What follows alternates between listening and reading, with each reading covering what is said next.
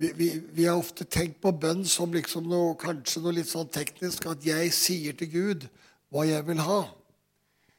Eh, mens bønn egentlig handler i ett og alt om en relasjon.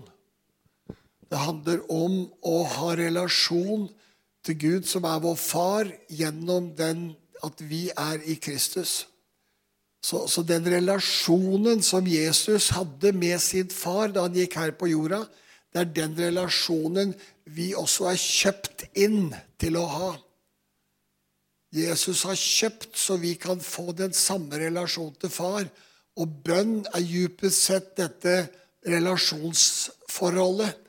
At vi er sammen med far.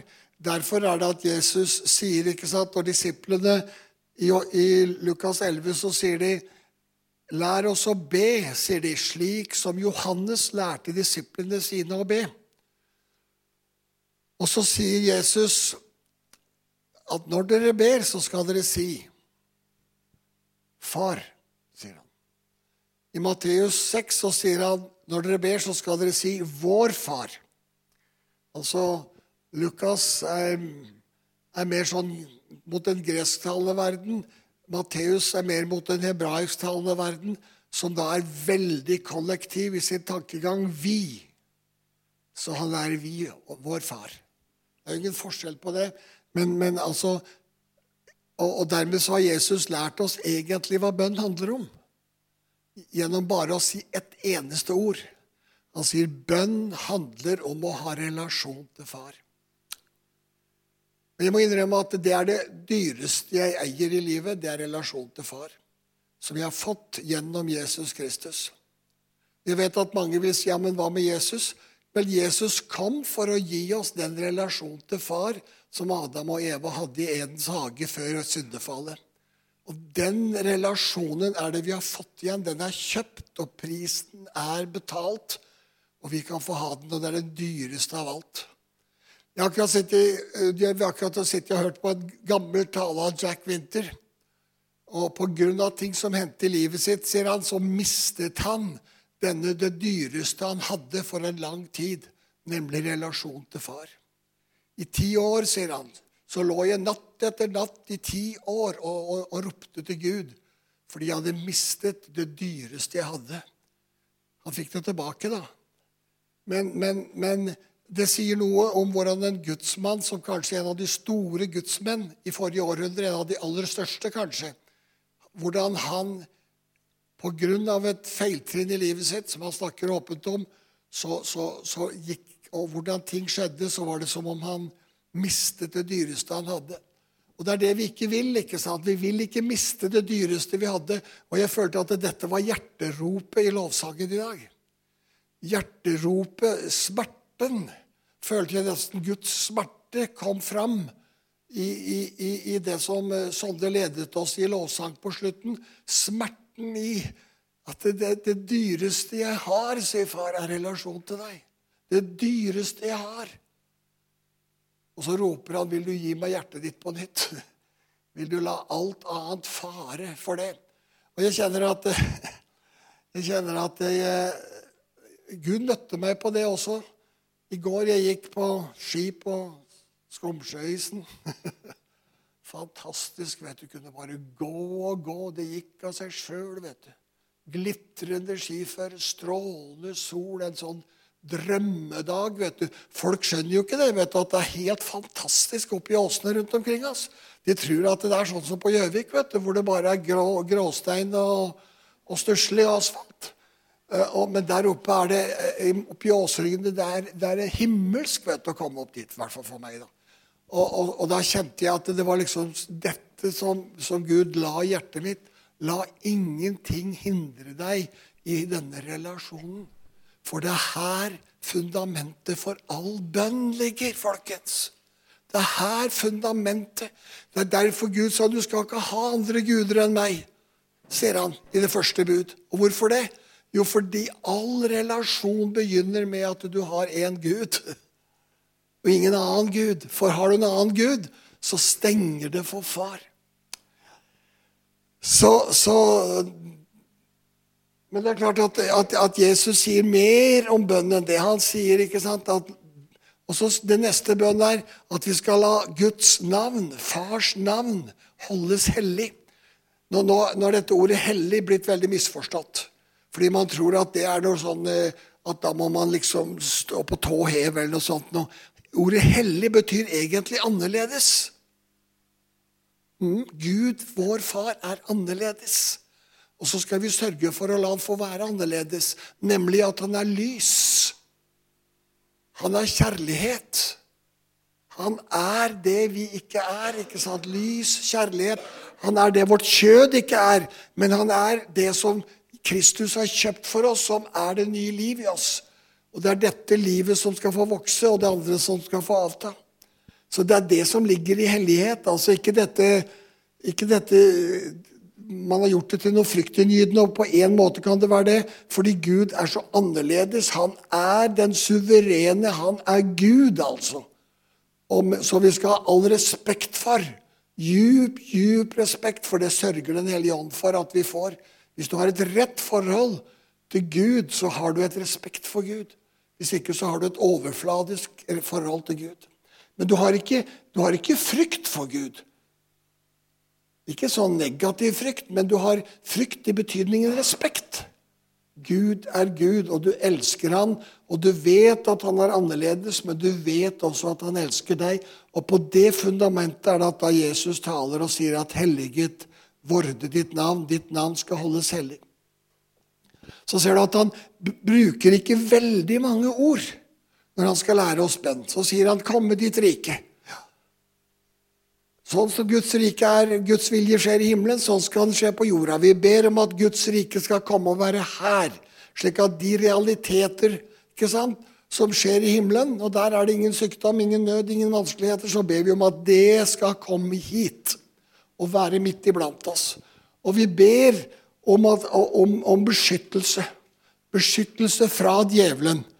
Det står ikke 'befri oss fra det onde', men det står Befri oss fra den onde. For djevelen møtte ikke det onde i ødemarken. Han møtte den onde. Det er den onde som vil stjele, myrde, ødelegge oss. Det onde, det er en sånn Det onde? Hva er det onde for noe, da? Men det er en sånn sekulærhumanistisk oversettelse. Fri oss fra den onde. The evil one, som de sier på engelsk. Og? Og Beskytt oss så vi ikke far inn i fristelse. Jeg skal ikke gå inn i det, for det er et helt tema for seg sjøl. For jeg har lyst til å snakke om bønn og oppmuntre oss til å be. Og så, når han har lært oss denne enkle bønnen Kanskje, kanskje Johannes og Peter og Jakob og hele gjengen var overrasket. Er det alt du har å si om bønn, Jesus? Jeg trodde du skulle lære oss 19 sider. Og så lærer du oss bare en eh, mange er det? Åtte bønner? Ni bønner? Det er alt du har å si. Jeg liker det, vet du. For da hva er det han sier etterpå? Når dere ber, skal dere ikke ramse opp mange ord, sier han. Ja, Det er virkelig til ettertanke for Guds folk, altså. Vet du, En av de tingene som gjør at folk ikke går på bønnemøte, vet du hva det er? at vi ramser opp masse ord istedenfor å be det som ligger på Guds hjerte. Be det som er relasjonelt for oss. Det er bønn der du kan ramse opp mange ord. Og det er når du er bekymret og er full av frykt, så kan du få lov til å gjøre sånn som det står i Filipperbrevet 4, 6 og 7. Legg alle ting for Gud i inderlig bønn med takksigelse. Legg alt, da legger du ut livet ditt og alt det du er redd for og bekymret for, og du sier det nøyaktig sånn som det er. Men det hører ikke til på et bønnemøte. Det hører til i ditt private liv. Eller om det er et par av dere som har behov for å gjøre sånn sammen. Men ikke bland sammen det med et bønnemøte. For når du skal be, sier Jesus, så ikke ramse opp mange ord. For det gjør hedningene, sier han. Og du vet, noen de, de, de Jeg har vært på bønnemøter hvor, hvor, du får en følelse av at her er det konkurranse i hvem som er flinkest til å be. Og det er vi ikke ute etter, altså. Vi er ute etter å være konkret. Husk, Jesus sier videre dere trenger ikke å ramse opp mange ord, hva han sier. Dette er virkelig viktig å lære, altså. Han sier Vær ikke lik dem, sier han. Ikke vær som hedningene, sier han. De gjør det. De tror at de blir bønnhørt når de bruker mange ord. Noe så tullete å tro det. Vær ikke lik dem, sier han, for dere har en far som vet hva dere trenger, før dere ber ham om dere. Og så sier han slik skal dere be. Det er sånn han innleder Fader vår i Matteus kapittel 6. Altså med andre ord vi skal si til Gud hva vi trenger. Og så behøver vi ikke å ha sagt det helt korrekt. For, hvorfor det? Fordi det er en relasjon. Har du hatt barn? Noen har hatt barn. Vi har hatt barn. Og hvis du har hatt barn, så behøver ikke de forklare i detalj det som er behovet deres. Ikke sant? Hva er det en mor gjør, kjenner med et barn som ikke kan å prate? Hun veit hva behovet er, hun, før, før de sier noe. Er ikke det riktig, Elisabeth? Du, ja, av og til. Det er noen ganger du må leite litt. Men, men, det er utrolig hva en mor og en far faktisk kan vite om barna fordi de kjenner dem. Men tror du far i himmelen kjenner deg? Og gjett om han gjør. Han kjenner hver smitt og smule i hjertet ditt, også det du ikke veit om sjøl. Og Da trenger du ikke å bruke mange ord, men han liker at du bruker noen ord. Vet du hvorfor det? Ikke fordi han trenger det, for han veit jo åssen det er. Så han veit jo hva han har tenkt å gjøre. Men han elsker relasjonen. Han elsker at du uttrykker det du vil ha. Fordi det har med relasjon å gjøre, ikke sant? Det har jo med det å gjøre. Har det ikke det? Han vil at du skal sette ord på det du lengter etter. Han vil at du skal sette ord på det du vil ha. Men du trenger ikke å ramse opp og lage svære, lange bønner ut av det. Du kan si det, og så har du sagt det. Og, da, og Noen ganger når du er aleine, så kan du ha behov for å bruke mange ord. Og det er helt ålreit. Men det Jesus snakker om her, vet du, for disiplene lær oss å be, sier de. Altså, han snakker om felles bønn. Og i felles bønn er relasjonen så viktig at du skal være flink til å høre hva som ligger på hans hjerte. Vi tenker det at eh,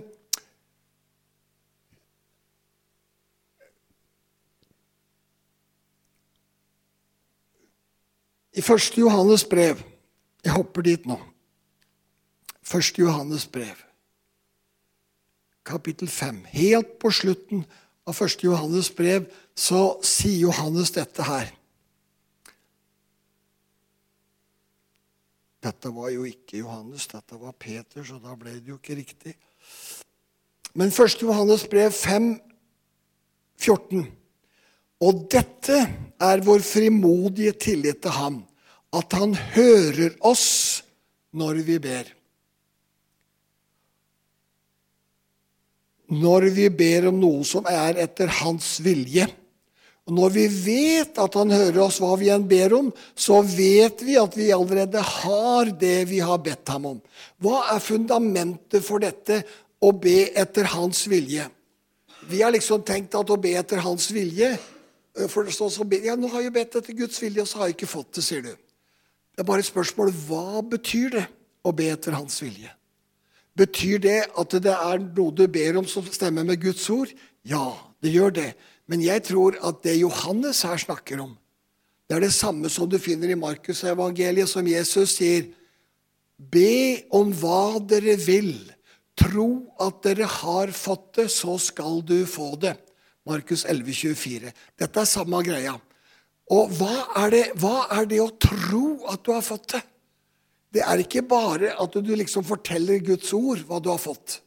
Men det er faktisk at Gud gjennom denne relasjonen med Han, så har Han skapt troen i ditt hjerte fra det du skal få. Og når den troen er skapt, så får du det. Eller når det er et rema i forhold til det som er hans vilje. Altså, det er ikke, altså Gud er ingen han er altså ingen automatknapp. Du kan ikke trykke på en knapp, og si at Gud, du har sagt sånn og sånn, derfor må du gjøre sånn og sånn. Det er ikke sånn. Fordi at det har med relasjon å gjøre. Det har med at Gud skaper i ditt hjerte. Om det han skaper når du ber om, det får du. Jeg tenker bare et sånn liten eksempel som dere kjenner. Den gangen jeg ble åndsdøpt, så leste jeg akkurat dette Markus 11,24. Be om hva du vil, tro at du har fått, skal du få det. Og da skapte Gud tro i mitt hjerte for at jeg kunne tale i tunger, og da kunne jeg jo det. Ja. Men, men det, ikke, det, er ikke slik at det, man bare kan trekke, trykke på den knappen, og så funker det. Dette, for, og det er her jeg tror vi glipper litt. Og det er derfor at det å be sammen at det er så viktig å være lydhør. Når Jesus var sammen med far, åssen tror du han opplevde det? Tror du at han ramset opp en masse greier, og så gikk han ned igjen fra fjellet? Det gjorde han helt garantert ikke. Han hadde samfunn med sin far. De, og samfunn det kan være helt uten ord, det. ikke sant? Vi som er ektefeller, vet jo det at vi har samfunn hverandre uten å si noe. Og, og, og, det, og, vi kan ha samfunn i et bønnemøte uten at det må sies noe. Fordi det, kan, det skal gis rom i et bønnemøte for å høre. Hva er det du har på ditt hjerte, far? Hva lengter du etter? Hva, hva er din vilje? Hva, hva, hva vil du skal skje? Så hele, hele bønnelivet Fordi vi har, vi har lært oss ikke sant, at det, bønn det er å ramse opp masse ting. Jeg sier ikke at det, vi gjør det her, men jeg bare liksom tar det som et klassisk eksempel på hvordan jeg tenkte at bønn var. Da jeg studerte i Oslo, så kunne ikke jeg gå ut av hybelen min uten at jeg hadde bedt gjennom ei bønneliste. For da hadde jeg ikke god samvittighet. Ha, ja, det var visse systemer jeg måtte igjennom, altså. Jeg innrømmer det. Jeg var jo så lovisk at jeg at jeg hadde satt meg i fore at jeg skulle ikke kjøre på trikken fra Røa og ned til Nationaltheatret Var det dit den gikk? Ja, var vel det. Eh, uten å ha vitnet for noe. Det var ganske slitsomt. Men jeg gjorde det. Holdt ut sikkert et halvt år, altså. Og jeg har hatt mange sånne tvangsnevrotiske trekk. men, men jeg, men jeg begynner å bli ferdig med dem. Jeg begynner å bli ferdig med dem, fordi jeg forstår at min relasjon med far er en relasjon med far som jeg har i Kristus. Og jeg vet at han elsker meg. Og jeg vet at han elsker meg om jeg lykkes eller mislykkes. Han elsker meg om jeg glemmer han bort. Om jeg sitter og har et sterkt forhold til far, og så plutselig så tenker jeg på noe helt annet, så skjønner han det òg. At jeg faller ut og faller i staver, og så plutselig så er jeg borti noe helt annet. Så vender jeg tilbake da og sier, 'Kjære far, sier det, det er dumt.' og så kan jeg kanskje tenke meg at han smiler. Jeg, jeg tror det. Fordi han elsker meg. Så, så husk på når, dere, når, vi ber, særlig når vi ber sammen, at vi også, jeg bare, bare lyst, også det, det, som jeg prøvde å lære en gang i tida her, det var at, at det, la oss be litt tematisk når vi er sammen. F.eks. hvis det er en som begynner å be for regjering og storting, ikke sant? altså en sånn regjeringsbønn, og så ber du noe, og så lar du det være litt av pause, slik at noen andre kan fortsette på samme tema. Eller om det er menigheten menighetene vi ber for. At, det, at, det, at vi ikke hopper fra tema til tema, slik at vi ikke får med at, For da må de andre som føler at de har noe å be om det, så må de vende tilbake dit. Ikke sant? Så, så det bør ikke være lang pause, men gi rom for at andre kan komme inn og utføre, utfylle det dere kjenner på. Det som, for ikke sant, Gud kan ha gitt meg noe, så kan han ha gitt Ian noe andre. Han, Hans Jørgen noe tredje. Og så kan vi sammen stå innenfor Gud med det som vi kjenner legges på vårt hjerte når det gjelder det området. Og Det er derfor jeg mener at eh, vi derfor ikke skal be lange bønner der vi ber alle tingene vi har på hjertet i et bønnemøte, for da blir det veldig slitsomt for noen. Sånne som meg, f.eks. Sånne som meg. For jeg er så lei av lange bønner. Kan jeg få lov å si det? Og så lærte jeg det jo Anne Einar Lundby sa jeg har det hatt i hjertet da, vet du, helt siden jeg var 20 år. Du skal ikke be lange bønner, sa Einar. Trenger ikke å be lange bønner. vet du, sånn, Gud vet jo hva du skal be om. Så si, si kort det du har på hjertet, så er du ferdig med det. Ja. Så når vi ba sammen, så ba vi korte bønner. Og Gud hørte bønnene til Einar mer enn de fleste her i denne verden, skal jeg love deg. Det var utrolig effektivt, men han var ingen ordgyter. Han, og, og, så, så, Lær deg ikke å konsentrere deg litt om det. Og også når du ber for folk, f.eks. hvis jeg skulle be for Nian, så behøver jeg ikke å begynne sånn. Du vet, Ian han har stått på så grådig. Han har gjort så mye. Å, tenk på alt han har vært igjennom. og det som han har gjort i hele livet sitt. Og, og så liksom får du en helt sånn lekse av sympatiord. Så, så, så, så får du en sånn sympa, sympatibønn. Kom, godt, kom til saken. Kom til saken. Jeg kan godt si at takk, at vil, takk for denne velsignede mannen. Og så kommer du til saken. Det, sannsynligvis så kommer det mye flere folk og vil være med og be om. Men nå sier ikke jeg at dette er et problem, for jeg har ikke vært på bønnemøte i familiekirken på fem år. Så, jeg, så derfor er jeg fri til å si hva jeg mener, uten å tråkke noen på tærne. Men, men eh, det er noe med å Og så trenger man da og kan godt be en time. Men så kan du også godt be en halv time, og så kanskje du har gjort akkurat mye, like mye på en halv time. Men det, dette med bønn er å vente på Gud. Og det er å være stille innenfor Gud og, og, det er å kjenne etter. Hva er det som er etter hans vilje i dag? Hva er det som ligger på hans vilje, hjerte i dag? Og så er det vi har vi noe på hjertet som vi kjenner. Og det liker han at vi ber om det vi har på vårt hjerte, for han liker jo det. På, det oppkom i Davids hjerte å bygge et tempel. Så det var David som fant på at han skulle bygge tempel for Gud, ikke Gud. Så, så det er klart at Gud han opererer gjennom hjertet vårt. Nå er det jo fryktelig mye å si om bønn, da. ikke sant? Og, eh, og det er et lass, egentlig.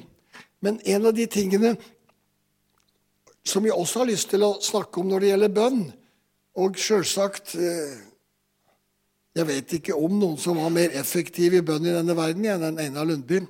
Så, så, jeg har aldri vært noe sånn bønnemenneske som han. Han var jo et sånt bønnemenneske som pra, pratet med Gud og ba rett på sak. ikke sant? Så, så, så tingene skjedde sånn som han ba. Det, det, var, noe, det var, noe, det var noe i hans relasjon og, og, effektivitet som Gud vil altså Høres ut som ikke var effektive, da, men, men ikke sant? Og en av de viktigste tingene når jeg var sammen med Einar, det var jo å ikke si noen ting. Det viktigste bønne, det bønnemøtet, bønnesamlingen vi jo var, var å være stille. Alltid så begynte det sånn La oss vente på Gud og høre hva han har å si, sa han Einar. Det var starten alltid. Alltid. Så det begynte ikke med å ramse opp masse ting, men det begynte rett og slett med å høre etter hva har Gud å si. Jeg var ikke så flink til å høre etter hva Gud hadde å si, men jeg skjønte at det var viktig. Og så, og så, og så hadde Gud alltid noe å si til han. Så det tenkte jeg ja, det går sikkert an å lære dette her. Siden han kan lære, høre det, så kan sikkert jeg høre det òg. Og, og, og et, av, et, av, de nøkkeltingene hans sant, det var jo at Herren skal stride for dere, og dere skal være stille. La Gud få gjøre jobben. Overlate Gud og stol på Han. Han skal gjøre det. I stillhet og tillit skal deres styrke være, sier profeten til israelsfolket. Men dere ville ikke. Nei, de fant på at nå må vi gjøre noe her. ikke sant? Tenk på David. Han hørte fra Gud. Ja, Så sa Gud, skal jeg gå opp mot filistrene, eller skal jeg ikke? En gang så, Ja, Gud, jeg, jeg har gitt dem i din hånd, sa Gud. Og det var riktig. En annen gang så sa han, vent, sa han. Vent. Vent til du hører lyden av suset over bakatrærne. Har dere lest om det? Og David var utålmodig. For han var livredd for at nå skulle han miste alt. For han hørte ikke noe sus over bak av trærne. Så han feita, ikke sant? Kjente på spenningen. Men så kom suset over bakatrærne, og da kunne han gjøre det. Skjønner du? Han måtte vente til det var tidspunkt for å gjøre det han skulle gjøre. Han måtte, vi må også vente på Gud. I stillhet og tillit skal deres styrke være. Og stole på at Gud griper inn, enda vi har lyst til å gjøre tusen ting sjøl. Vente på Gud, altså.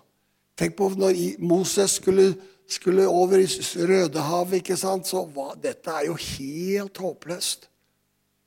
Men, men, Gud sier ikke sant hva han skal gjøre. Og der har du igjen dette ordet, ikke sant, at dette er ikke deres strid, sier han. Dette er min. Det er jeg som har tenkt å gjøre dette her.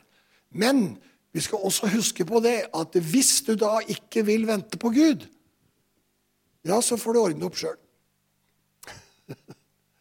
Det er også en side ved dette her som vi må, som vi må huske på.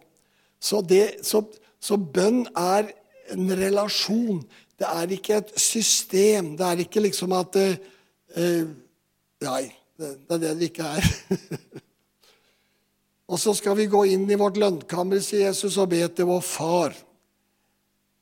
Og Det er fordi at det, det, Jesus kom for, det var jo for å gjenopprette relasjonen vår til far. Det var jo ikke fordi at Jesus er mindre enn far. Altså, De har forskjellige altså Far, for å si det enkelt, far er initiativtaker. Det må vi huske på. Jesus er, Kristus er sønnen, så når far taler sønnordet, så skjer det. Så, så, men i, i, i sånn eh, relasjon så er far, sønn og Den hellige ånd like. Tror jeg. Det er ikke noe forskjell der. Men i, i utøvelse så er det forskjell. Og så er det det at Jesus han vet at det er far som gir omsorg og trygghet. Altså mor og far. I familien er det jo mor og far som gir det. ikke sant? Og Derfor er det at han vil være far i menigheten. Men menighetens hode er Kristus. Det er Kristi menighet, det er hans kropp. Men det er far som skal få lov til å styre denne kroppen. Og Derfor er det at menigheten skal be til far. Og Derfor er det at Jesus sier det, at vi skal be til Far i Hans navn. Det er veldig mye å snakke om her, vet du, men eh, all verden skal ikke jeg snakke om. Men jeg syns det er ålreit å gå litt til det som Johannes i Johannesevangeliet, kapittel 16 og 17, hvor vi har sjølsagt noe av dette som handler om bønn. Kapittel 16, slutten der. Der eh, 23 er det vel. 1623. Finner ikke det apostlenes gjerninger, da, vet du, Ola. Prater litt til seg sjøl òg. På den dagen skal dere ikke ha noe mer å spørre om, sier Jesus. Sannelig, sannelig, sier jeg dere. Der sier han amen, amen, sier han på hebraisk. Sannelig, sannelig. Det, det, det, da sier han amen, amen. Altså, Jesus snakket jo ikke gresk, ikke sant? Skjønner du? han sa amen, amen. Hvis dere ber Far om noe, skal han gi dere i mitt navn. Hittil har dere ikke bedt om noe i mitt navn. Be, og dere skal få, så gleden deres kan være fullkommen. Be, så skal dere få, og gleden deres skal være fullkommen. Det kan jo høres ut nå som at det blir vanskelig å be, men mitt poeng er ikke det. Mitt poeng er at vi, vi har utgangspunkt i relasjon og kjenner frihet til å være oss sjøl, men også kjenner på begrensninger, særlig når det at vi er i, i bønnemøte sammen. At vi kjenner at vi ikke skal dominere, men at vi skal og som jeg sier, jeg tror det er en god råd dette å be tematisk litt. Slik at, for da tror jeg at vi får mer tyngde. Kanskje til og med kommer noen til bønnemøtet og sier at i dag kjenner jeg at far har lagt på hjertet vårt at vi skal be om det. F.eks. be om dette som vi har hørt i dag, kan være viktig for, for menigheten å be over. Dette med at vi er helhjertet. Det betyr ikke at vi er fullkomne. Det betyr bare at vi er hel hjertet. Og at vi ransaker oss sjøl og kjenner er det noe som hindrer. Er det noe som har en plass i hjertet mitt framfor Gud, min far, framfor Kristus. Og så rydder vi unna det. Rydder vi unna det. Trenger vi å, å, å fordi at det, Bønn er også veldig mye i Bibelen knyttet sammen med, med å tilgi. Har dere lagt merke til det? Hvis du vet at du har noe imot din bror, sier han etter at han har lært oss å be, så gå og rydd opp. Ikke sant? Og rydde opp med, i livet ditt. Bekjenn dine synder. Hvis du gjør det, sier han, så er han trofast og rettferdig, så han tilgir oss syndene og renser oss fra all urettferdighet. Det er ganske sterkt, skjønner du. For det er ikke bare det at han tilgir syndene, men han renser oss fra all urettferdighet. Han renser oss til og med fra dem som har syndet mot oss, og dem som holder ting mot oss. Gud er veldig sterk her. altså. Han renser oss fra all urett, som det står et annet sted. Altså, Gud kommer oss kommer og møter oss, så vi kjenner frihet og ikke trenger å, å, å, å male på ting som, som ligger i fortida, når det er i lyset. Så hvis dere ber om noe, så skal han gi dere i mitt navn. Et annet sted så sier han til dere I vers 26 sier han den dagen skal dere be i mitt navn. Jeg trenger ikke å spørre far for dere da. Altså, og, når, og, det å be i Jesu navn, det tror jeg jeg har snakket om før Vi trenger ikke nødvendigvis å si i Jesu navn, sånn som noen sier. For Kristus bor jo i vårt hjerte. Dette er jo den åpenbaringen vi har i dag, som folk ikke hadde. For helt ærlig, 30-40-50 år siden så ante de ikke det. Altså, Den kristendom du lærer i dag, er ikke den samme som var i, 40, det var i 1960. Vet du det? Og Det er ikke fordi at kristendommen har forandret seg. Det er fordi at vi har åpenbaring om ting som folk på 60-tallet ikke hadde. Skjønner du? De hadde ingen åpenbaring om at Gud var far. Veldig få. Ikke sant? De hadde ingen åpenbaring om hjertet, om eh, hjertets helbredelse. Dette som vi driver med f.eks. i RTF. Det var veldig mange ting man rett og slett ikke hadde åpenbaring om, som står i Skriften. Men det var bare at det, begrens, det var begrenset åpenbaring. Og når vi da Dette kan hende at det er voldsomt for noen, men det er sant. Fordi, fordi vi, vi, har, vi, ser ting i dag. F.eks. når Jack Winter så at Guds farskjærlighet er en substans, så var jo det noe som Johannes og Peter og de snakket om som sjølsagt. Men det var borte. 1800 år fravær. Så kommer det tilbake. Samme med at vi er frelst av nåde. Ja, Borte vekk. Men vi fikk det tilbake for 400-500 år siden. ikke sant? Alt dette er restaurering. Og det gjelder også dette med bønn. Og når vi er i Kristus, så kan du be. Du kan godt si i Jesu navn, men om du ikke sier det, så, du, så, så er ikke bønnen mislykket. bare så du Fordi Kristus bor i hjertet ditt, så alt du ber, det ber du faktisk i Jesu navn. Fordi han er en levende realitet inni deg. Og det er så viktig å holde fast ved at han ikke flytter ut og inn. Han er der hele tida. Inne i ditt hjerte. Så jeg skal begynne å avslutte med kapittel 17, vet du, som bare handler om bønn. Kapittel 17 handler jo om at Jesus er sammen med far.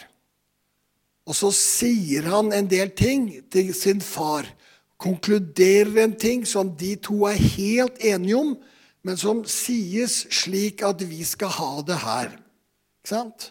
Så her høres det ut som om Jesus ber alene og liksom ramser opp en masse ting til sin far. Men det gjør han jo ikke. Dette er et sånt relasjonelt møte. Ikke sant? Han løfter blikket mot himmelen. Altså Han er i relasjon til far. Og så sier han, 'Far, timen er kommet. Herliggjør din sønn, så sønnen kan herliggjøre deg.' Dette er også et veldig viktig skriftsted som vi ofte ikke har turt å tro på. Hva er det Jesus ber om her? Han sier, 'Jeg kan ikke herliggjøre deg, far, hvis ikke du herliggjør meg først'. Ja. Hvis ikke du, far, herliggjør meg først, så kan ikke jeg herliggjøre deg. Derfor må du herliggjøre meg, sier han, så jeg kan herliggjøre deg. Og sånn er det også. Dette kommer tilbake i, i vers 22 eh, når det gjelder oss, hvor han sier den herligheten du har gitt meg, har gitt dem for at de skal være ett. Du ser, Jesus har gitt oss sin herlighet. Og når vi har fått hans herlighet, da kan vi herliggjøre far. Og vi kan herliggjøre Kristus. Ikke sant? Vi kan si Fantastiske Gud, fantastiske Far, fantastiske Kristus. Vi kan si alt det der fordi Han har herliggjort oss. Han har gitt oss noe som vi har fått i gave, og som er iboende. En, en enorm kvalitet, altså. Problemet vårt er at vi så lett mister troen på hvem vi egentlig er i Kristus Jesus. Og så snakker han jo om dette eh, f.eks. at eh, Hvor han sier til far Det er klart far veit alt dette her. Han sier ikke dette for at far trenger å høre det. Han sier dette fordi vi trenger å høre at han har sagt Og at det er skrevet ned. Hvem som var og hørte på denne bønnen, ja, det vet vi ikke noe om. Men det er ikke usannsynlig at, Jesus, at Johannes var, var der og faktisk hørte at Jesus ba og hadde denne samtalen. Ikke sant? Og Derfor har vi den, og derfor har vi den kanskje bare i Johansevangeliet. For det er enkelte ting ikke sant, som er i noen evangelier, som ikke er i andre. Men det er noen som har vært til stede på ett sted, og noen på et annet sted. Og Johannes han har vært til stede, og så har han fått med seg dette som Jesus her ber. Åpenbart ved Den hellige ånd, til å, så han kunne huske det. For det er jo litt, litt, litt av en sak å huske.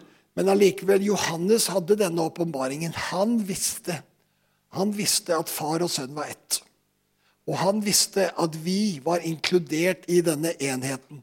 Og fordi vi er inkludert, så kan vi være veldig frimodige når vi ber. Vi behøver ikke slå øynene ned og be om unnskyldning. Vi kan få lov til å vite at vi kan komme fram for nådens trone med stor frimodighet på grunn av at vi er rettferdige. Og Det er ikke vår rettferdighet, men det er Kristi rettferdighet. Vi kommer inn for nådens trone og kan med frimodighet løfte øynene og si takk, far, at du elsker meg. Takk, Jesus, at du ga ditt liv for meg. Takk for blodets fundament, som gjør at jeg her kan stå med stor djervhet og stor frimodighet og være rett fram og si at sånn og sånn vil jeg at du skal gjøre, Gud. Og så, og så må vi da kjenne at vi er i pakt med Guds ord. Og så må vi kjenne også at det, dette er noe Gud legger på oss. Og Nå kan det høres ut som dette blir det vanskelig å be. Jeg bare, sier, jeg bare strekker meg mot et mål sjøl og, og sier det er jo sånn Jesus hadde det.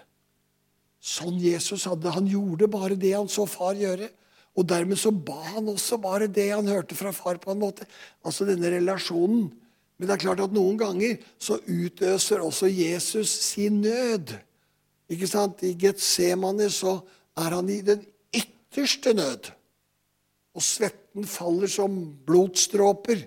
Det er ikke så mange, tror jeg, som har svettet blod i denne verden.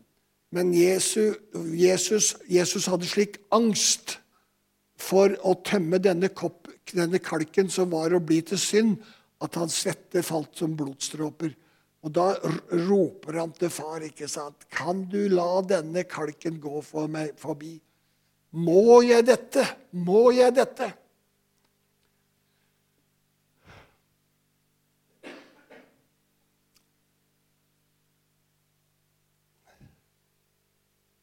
På det fundamentet er det at vi ber. Ikke fordi vi i oss selv kan tre fram for nådens trone, men fordi vi i Kristus kan tre fram for nådens trone.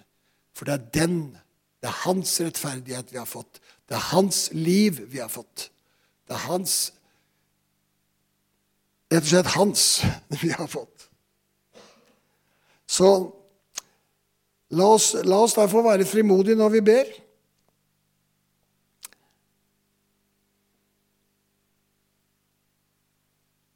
Fordi Jesus er så bevisst her når han prater med sin far. Jeg har åpenbart ditt navn for, at, for de mennesker du ga meg fra verden. De var dine, og du ga meg dem, og de har holdt fast på ditt ord. Nå vet de at alt som du har gitt meg, er fra deg.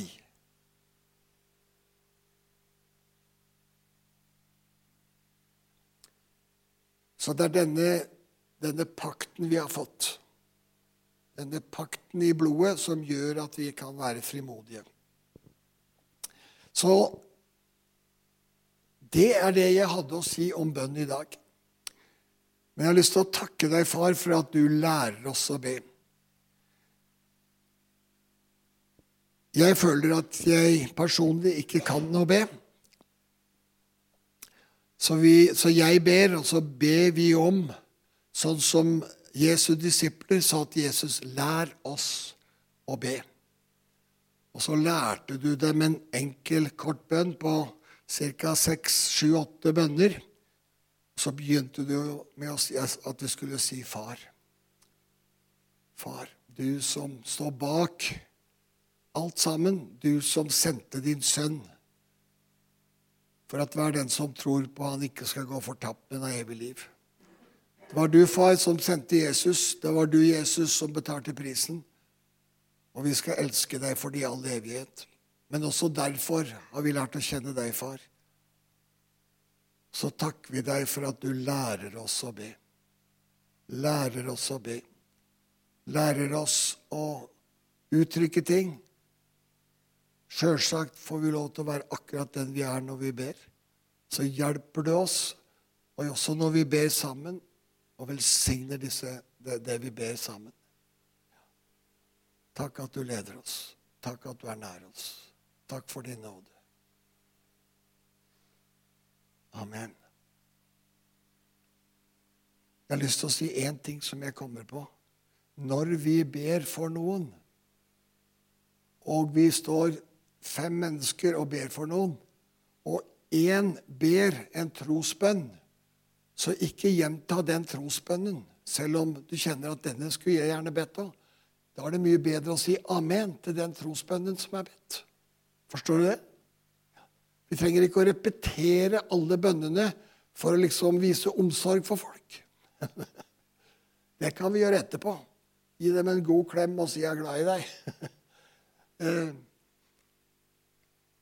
dette er fordi at, eh, fordi at jeg, jeg, kan ha opplevd og nå er jeg litt direkte, jeg kan ha opplevd at det er bedt en trosbønn i en situasjon, og så ber vi og ber vi og ber vi. Til slutt så har vi utvannet hele bønnen, så det er ikke hatt noe av tro igjen. Det var voldsomt hardt sagt. da.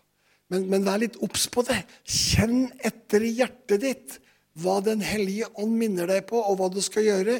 Ikke men, men, jeg vil ikke begrense noe, men samtidig så må vi også ta vekk noen av disse uvanene som en, vi har endt opp med. Det er det jeg vil si. Og det jeg har lyst til å utfordre på nå, det var det jeg sa helt i begynnelsen. At, at uh, Det er noen som har vitnesbyrd om å ha blitt bønnhørt her, er det ikke det? Så vær så god.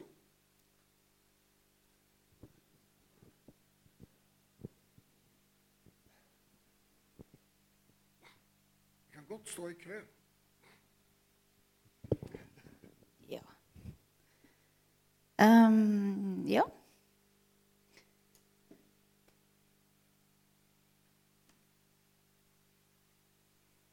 Først så bare tenkte jeg bare jeg skulle si om, eh, om Fader vår.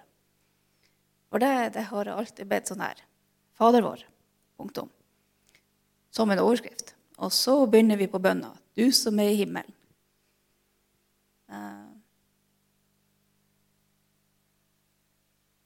ja. Det tok lang tid før jeg forsto at Fader vår ikke er en overskrift. Men faktisk veldig viktig. Det begynner med far.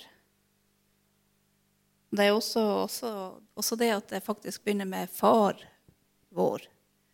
Altså, det er ikke vår far, men, men uh, fokuset er på far.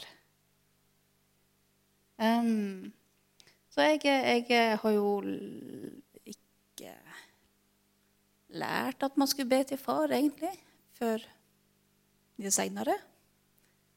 Jeg ba alltid til Jesus. Og så Fader vår. Overskrift.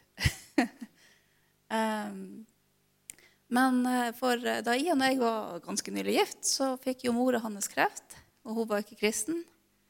Og så vi ba mye for henne. Og så hadde vi en sånn her mannakorn-greie ved senga som vi brukte å ta opp et bibelvers da og lese.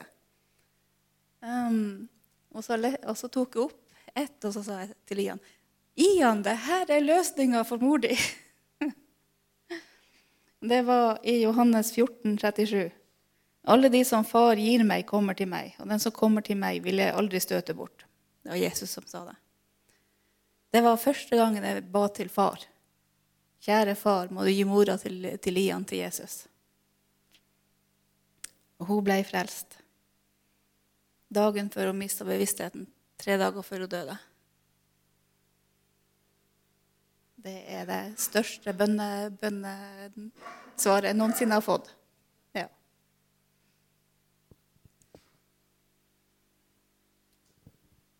Ja, hvordan, hvor lang er køen?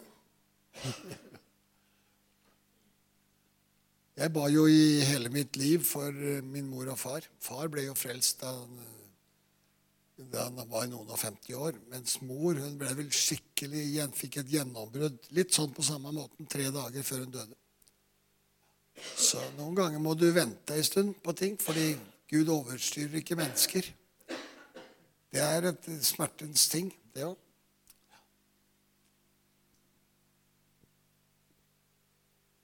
Det er ikke noe vits å vente på hverandre. Det må ikke være liksom at eh, du stopper et jordskjelv i Eller noe sånt noe, altså.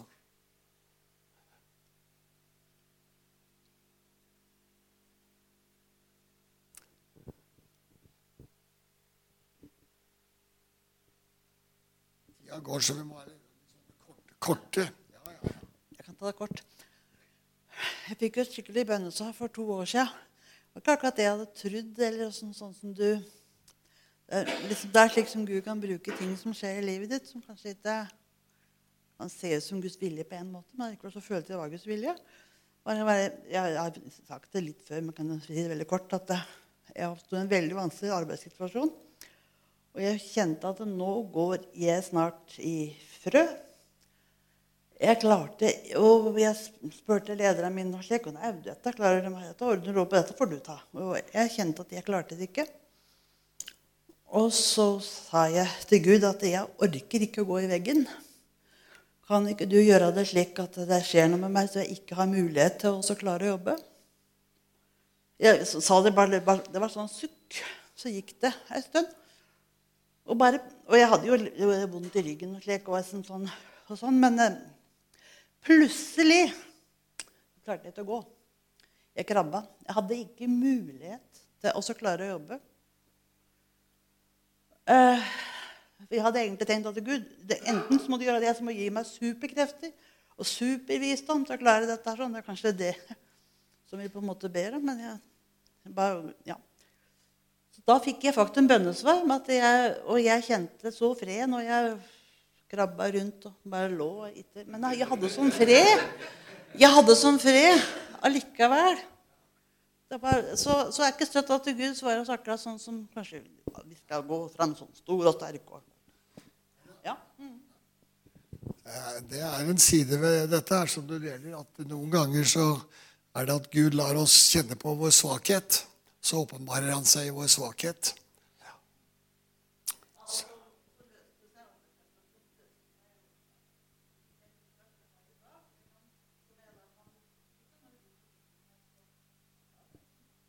Gud ordna det opp.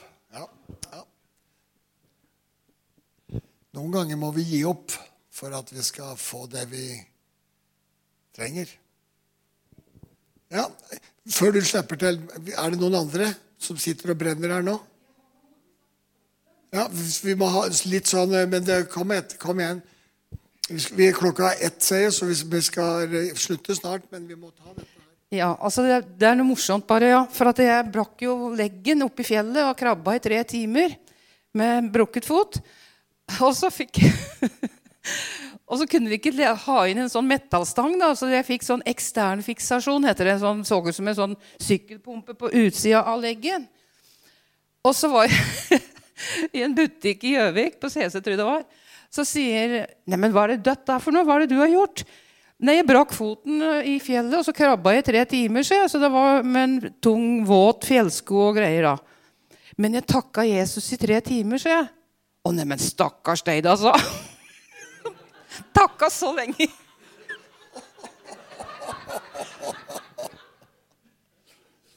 Men, men det er jo, der minte du jo på en av de tinga som jeg faktisk har glemt å prate om.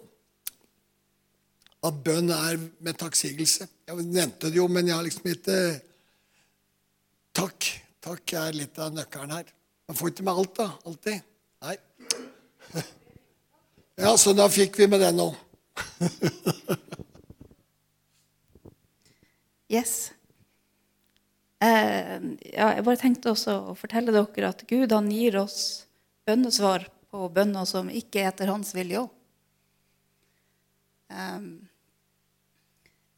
ifra, eh, da Israels folk gikk ut fra, fra Egypt, så, så jamra de seg og sa til Moses la oss få kjøtt å spise. Og så eh, Nå vil Herren gi dere kjøtt. Dere skal ikke få en dag eller to, ikke fem eller ti eller 20 dager. Nei, en hel måned skal dere spise kjøtt, til det byr dere slik imot at det kommer ut av nesen på dere. For de, de var ikke fornøyd med mannaen. Eh, og jeg, jeg, har også hatt, hatt en veldig konkret eh, erfaring med det her, hvor jeg eh, var forelska i en fyr, og ikke i han. Eh, men, eh, men jeg, jeg, sa 'Kjære Gud, gi meg denne mannen'. eh, og så ble vi sammen en stund. Og det forsto jo at det holdt på å gå helt gærent av sted. Så da det ble slutt, så var jeg egentlig letta. Men, men, da forsto jeg det at, at, det er viktig å be etter Guds vilje, og ikke etter min vilje. For Gud kan finne på å gi det sånn som jeg ber om.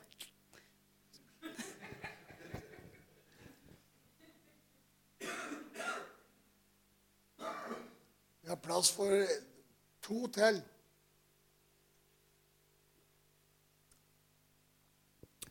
Gi meg ikke. Nei, jeg visste det at Marie måtte si noe, skjønner du.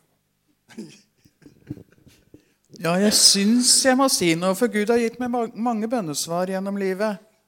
Også en annen ting som jeg sier veldig mye, at takk, far, du går ved sida mi. Takk at, du, at jeg er i deg. Og det gir meg en veldig trygghet. Men det jeg tenker på, er når en er ute og kjører bil, så har vi opplevd noen situasjoner som er bønnesvar. For Gud har vært der og bevart oss. Men at uh, hver gang vi setter oss og kjører og skal kjøre litt langt, så ber vi alltid om Guds beskyttelse, blodets beskyttelse. Og Jeg husker spesielt en gang på Lillehammer. Det var glatt, og vi kom på E6 inn i tunnelen ved Strandtorget. Og i veien der så ligger det en spade som har falt av en bil. Så møter vi en lastebil, og spaden kommer opp i lufta, og helt i panikk så trør jeg på bremsen. Det skulle jeg ikke gjort, for da har ikke jeg så veldig mye kontroll over bilen. Men den retta seg opp igjen, og vi kom, kom da hele, både bilen og oss var like hele. Og senest på tirsdag i Hunndalen. Den forsvant. Han var borte i bilen, men det var ikke noe merke på bilen. Men så tenkte jeg bør vi ringe politiet, da, tenkte jeg, så de får bort den spaden. Og så når vi ringte, så sier de ja, gikk det bra med dekk? For det var noen som hadde varsla det. Så de var på tur til å hente spaden. Og så nå på tirsdag så kjørte jeg i Hunndalen. Sitt der og i mine egne tanker, og plutselig nede i krysset så kommer det en traktor svingnes ut med skuffa nede. Han kunne spidda meg, men jeg fikk nå stoppa, og jeg ser at det er Guds beskyttelse. Så Gud, han er med oss hele tida. Og det er mange ting jeg kunne dele. Vi fikk jo beholde Ursula, som var veldig sjuk for to år siden. Det, jo, det sto bare om timer. Men at vi fikk lov å løfte det opp til Gud, og Gud han greip inn. Så vi har veldig mye å takke for. Og så har jeg ikke fokus på det jeg ikke klarer. Jeg takker Gud for det jeg kan gjøre, og så får det andre bare være. Altså Når man ikke er sterk, så kan man omfavne sin svakhet, og så kan eh, Gud gjøre langt mer enn vi forstår å be om i vår svakhet. Det tror jeg er veldig viktig. Les Efeserbrev kapittel 3, der Paulus konkluderer og sier at Gud gjør langt mer enn vi forstår å be ham om. Men det er særlig, og ikke minst tror jeg, når vi i vår svakhet kjenner at nå har jeg ikke så mye å fare med. Men det er noen korte bønner vet du, som er bedt i tro, som da gjør langt mer enn du aner. Så Det var det siste, da. Men det er ikke, må ikke være det siste. men det kan tygge på det til neste gang. Ja, neste gang da er det ikke sikkert det blir så mye vitnesbyrd. Men seinere en gang, kanskje når du har ansvaret, vet du, Kjetil. Står det til liv på gulvet der, Kjetil? Ja, det er flott. Så, så vi fortsetter bare å velsigne disse beina til Kjetil.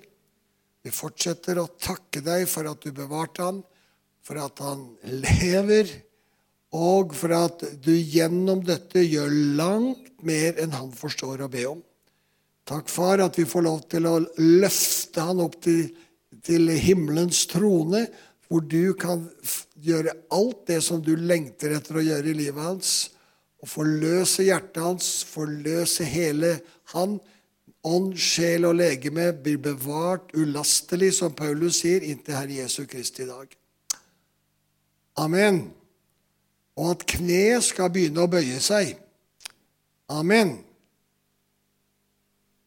Var, var nok ikke det kneet, kanskje, Kjetil. Det er vel det andre, men det høyre kneet skal begynne å bøye seg. Brusken skal løsne opp, og så skal det begynne å gå, bli orden på dem. Vi ber om det raskt. Amen.